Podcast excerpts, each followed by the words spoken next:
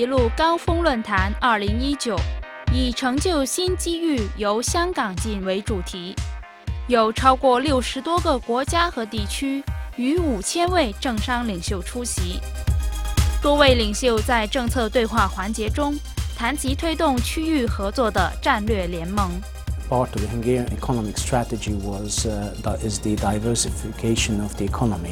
and opening up to eastern markets, including China, and that nicely fits and nicely aligns with Belt and Road strategy.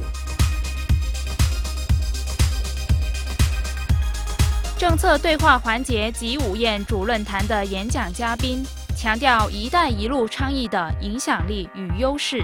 one of the success stories that we have experienced in the Philippines would be the increase in terms of the amount of trade and investment that we have seen from China and also from other countries uh, in the region, uh, as well as in other countries uh, along the Belt and Road.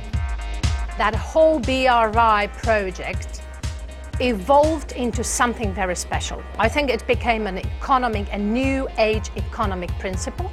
That is what Slovakia can offer. 在开幕主论坛上，一众商界翘楚强调香港在“一带一路”倡议中的角色。今天，中国习主席又提倡“一带一路”，又很清楚的，就是要共赢，不是单赢。香港的特殊的地位呢，对我们向外发展呢，有莫大的方便的地方。香港发挥这个“一带一路”的这个重要性呢。是非常明显的。“一带一路”更获得力宝集团的支持，重点在于中国在区内推动的数字化改革。I think that same change is about to take place in Indonesia, but even at a faster pace.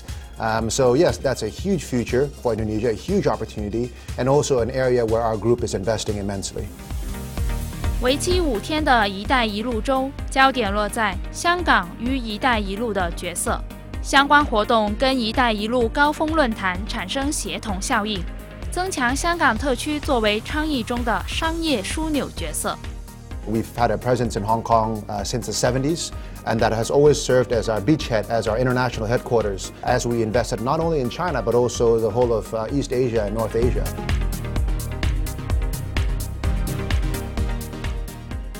今年峰会主题论坛涵盖的话题更为广泛。包括可持续融资和投资、地缘政治风险管理、数字丝绸之路，以及“一带一路”为中小和年轻企业提供的机遇。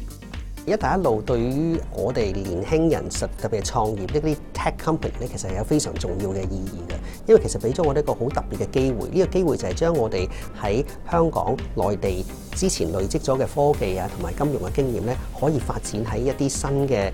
Fast developing 嘅國家，咁其實我哋一路去揾一啲好 energetic 嘅 market，mobile penetration 好高嘅，或者用 e-commerce 好高嘅市場，因為呢啲市場咧對未來 FinTech 嘅應用咧其實有好大嘅機會嘅。